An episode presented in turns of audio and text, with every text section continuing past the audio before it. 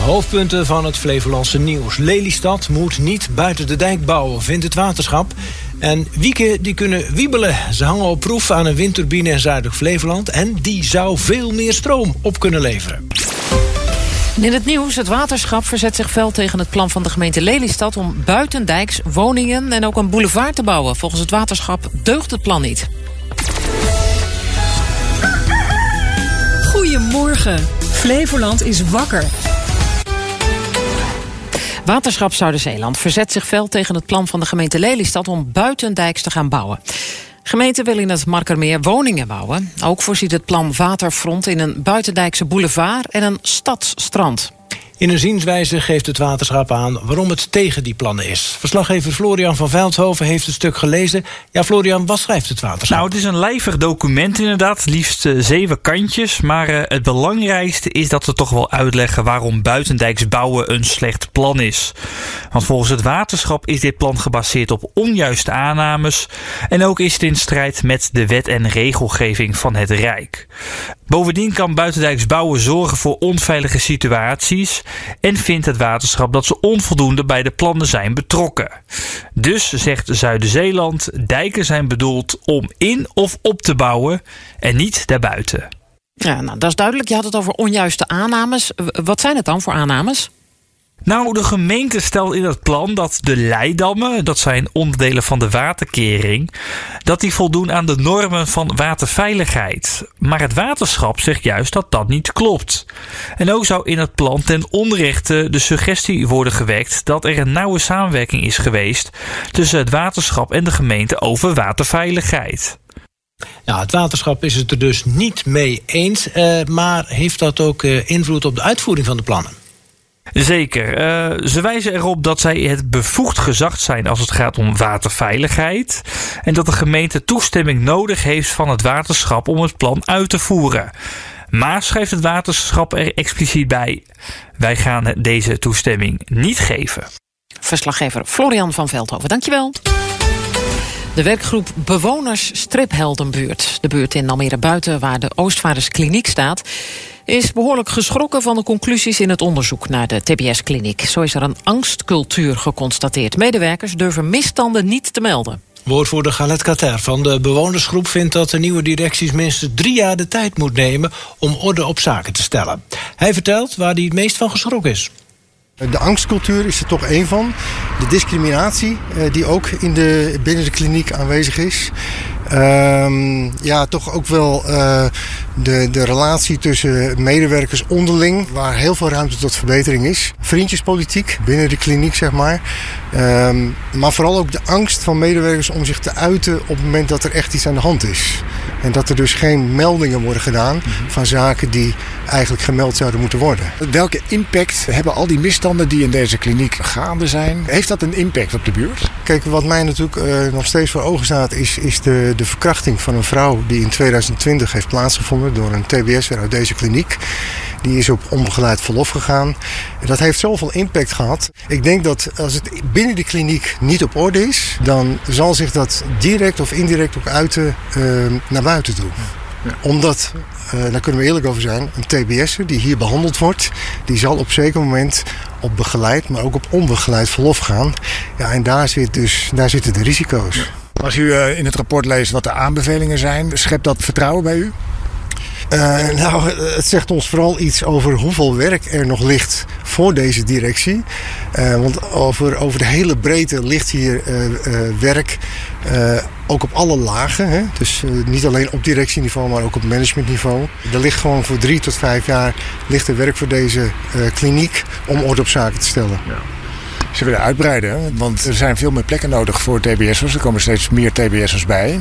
Dus ja. die uitbreiding die is heel erg gewenst. Hoe kijkt u daar tegenaan? Kijk, wij zijn al heel lang bezig natuurlijk hier, uh, sinds juni 2021, om uh, zeg maar toch, toch aan te kaarten dat uitbreiding op dit moment gewoon een no-go is.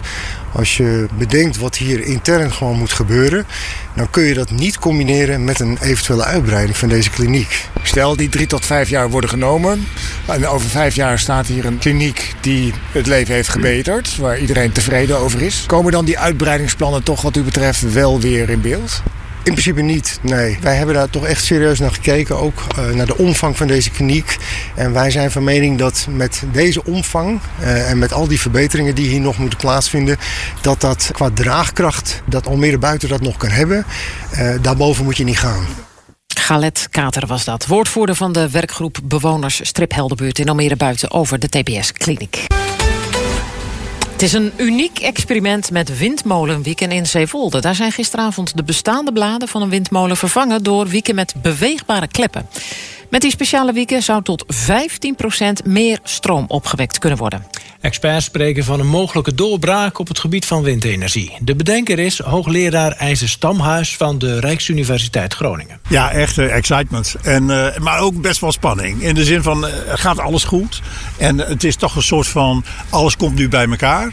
En nu gaan we zien of het in het echt werkt. IJzer Stamhuis is hoogleraar in de biomimetica... Zeg maar, kijken naar de natuur, daarvan leren en dan toepassen in de techniek. 13 jaar werkte aan dit idee, geïnspireerd door de albatros. Een albatros, als die gaat landen, dan doet hij dus van die uh, wiebelbewegingen met zijn wieken. En uh, nou, dat hebben we hier eigenlijk min of meer nage nagedaan. En dat wiebelen, dat geeft dus een hogere liftkracht bij lage windsnelheden. Of bij lage vliegsnelheden bij een albatros. En dat is eigenlijk precies waarom we dat hier doen. Om bij lage windsnelheden meer energie uit wind te kunnen halen. En die energiewinst zou aardig kunnen oplopen. In uh, experimenten hebben we zelfs tot twee keer zoveel bij bepaalde omstandigheden gekregen. Maar we verwachten hier dat we nou, 10 tot 15 procent of zo bij bepaalde windsnelheden meer eruit zouden kunnen halen. Maar dat is in de windindustrie al een heleboel. Hè, want het zit allemaal toch wel een beetje tegen het maximum wat je uit de wind kan halen aan. En als we daar dan juist bij die lage windsnelheden, waar heel veel turbines iets minder efficiënt zijn, die efficiëntie kunnen ophogen door deze truc, zeg maar. Nou, dan halen we toch aardig wat extra energie eruit. Een half jaar geleden zou de proefopstelling in Zeewolde eigenlijk al klaar moeten zijn. Maar dat lukte niet. Nee, nee, dat lukte niet. We hebben eerst al wat extra vertraging gekregen door de hele coronaperiode. Dus daardoor waren we al wat achter.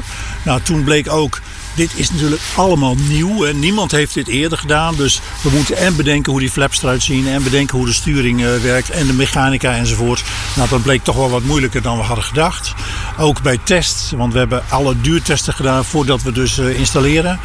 Uh, ging nog wel eens een moertjestuk of zoiets. Of een, en uiteindelijk nu hebben we een concept waarvan we denken en hopen dat het wel een tijdje volhoudt. Zodat we daadwerkelijk kunnen gaan testen.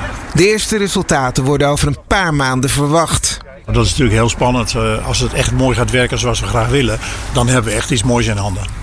En dan bent u miljonair? Nou, ik hoop het, maar ik denk niet dat het gaat gebeuren. ik ben al lang blij als we inderdaad de resultaten krijgen die we graag willen. En uh, ja, inderdaad is natuurlijk wel een, een idee om dan te gaan vermarkten. Maar dat zien we dan wel weer. Het onbegrip, de teleurstelling en het sarcasme druipen er vanaf... bij hoofdtrainer Michel van Oostrum van Batavia 90... wanneer hij praat over de beslissing van de Lelystadse voetbalclub... om zijn contract aan het eind van dit seizoen niet te verlengen.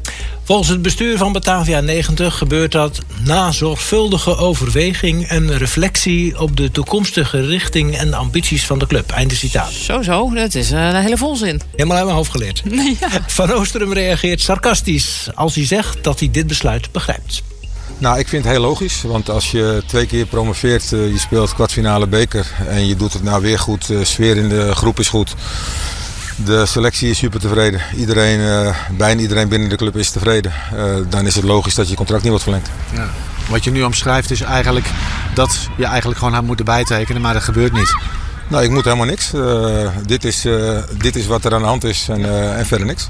Maar hoe kan dat? Waarom wil, wil de club niet met jou verder?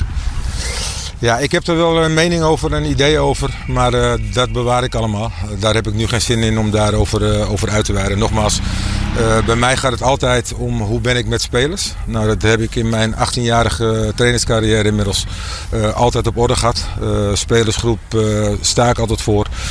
Dus dat heeft me altijd veel gebracht. Uh, ik denk, ik, ik hoorde van de week een trainer uh, ergens uh, in een interview over 22 periodetitels en 6, en 6 promoties. Nou, ik zit daar ook dichtbij. Dus aan prestaties heeft het nooit, nooit gelegen. ik heb het fantastisch naar mijn zin hier, vooral met de jongens.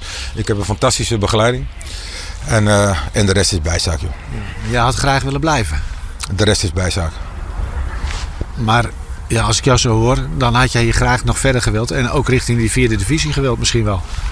Nou, ik kom uh, altijd weer, uh, weer goed terecht. Dat is altijd gebleken. En uh, weet je, het is maar net wie je tegenkomt in je trainerscarrière. En ik heb hier jammer genoeg nog nooit met de beleidsbepalers over voetbal kunnen praten. Het gaat altijd over randzaken. En ik ben weer toe aan voetbalinhoudelijke dingen. En dat heb ik met mijn selectie, dat heb ik met mijn begeleiding. En alles daaromheen. vrijwillige supporters. Dat is een geweldige twee-eenheid hier. En, en nogmaals, en daar laten we daarbij houden. De rest is, de rest is echt bijzaak. Ja. Nou, je bent in ieder geval volledig niet eens met wat het bestuur als reden opgeeft. Hè, dat het voor de club beter zou zijn om nu een punt achter het contract van jou te zetten. Nou, er wordt geen punt achter mijn contract gezet. Uh, ik heb een contract tot het einde van het seizoen. En, en dan scheiden onze wegen. Ja. Punt, ja. Ja, ik bedoel dat het niet verlengd wordt. Ja. ja. Ja, nou ja, nogmaals, dat is de situatie. En uh, daar zal men een reden uh, voor hebben. Dat is niemand duidelijk hier binnen de club. Maar uh, ja, ik ben in mijn trainerscarrière en ook in mijn voetbalcarrière zoveel mensen tegengekomen die, die beslissingen nemen waarvan zij denken dat het oké okay is. Maar ja, nogmaals, ja. niet zo belangrijk. Het blijft vreemd. Hè? Goed presteren, twee keer promoveren met de club en, en dan dit. Het blijft gewoon vreemd. Er zijn veel ergere dingen in de wereld dan dit. Nou, dat is een waar woord van trainer Michel van Oostrum van Batavia 90. Maar wat een frustratie bij die man, zeg. Poeh. Nou, de club heeft intussen uh, Detlef Legrand voor volgend seizoen vastgelegd als zijn opvolger. De berichten van buiten Flevoland, Julie. Ja, de ministeries van Landbouw en Volksgezondheid houden er serieus rekening mee dat Nederlandse varkens vogelgriep kunnen krijgen. Zie nog nooit gebeurd. Viroloog Marion Koopmans vindt dat er al draaiboeken klaar moeten liggen voor dit scenario. We weten dat varkens gevoelig zijn voor griep. Varkens hebben hun eigen griepvirussen, maar kunnen ook vogelgriep krijgen. En we weten dat tussen varkens en mensen griepvirussen overspringen. Dus uh, dat betekent gewoon nu we een, een, nieuwe vorm van vogelgriep in het wild onder vogels hebben. Ja, dat de volgende schakel uh, die je echt in de gaten wilt houden varkens zijn. Vogelgriep is niet per se heel dodelijk voor varkens, maar de kans wordt dan wel groter dat er ook een variant ontstaat die voor mensen gevaarlijk is. Een bedrijf van Tesla en ex-baas Elon Musk heeft voor het eerst een chip geplaatst in het hoofd van een mens. Het bedrijf Neuralink ontwikkelt technologie waarmee bijvoorbeeld verlamde mensen kunnen praten. En met die chip zouden ze ook hun telefoon kunnen bedienen.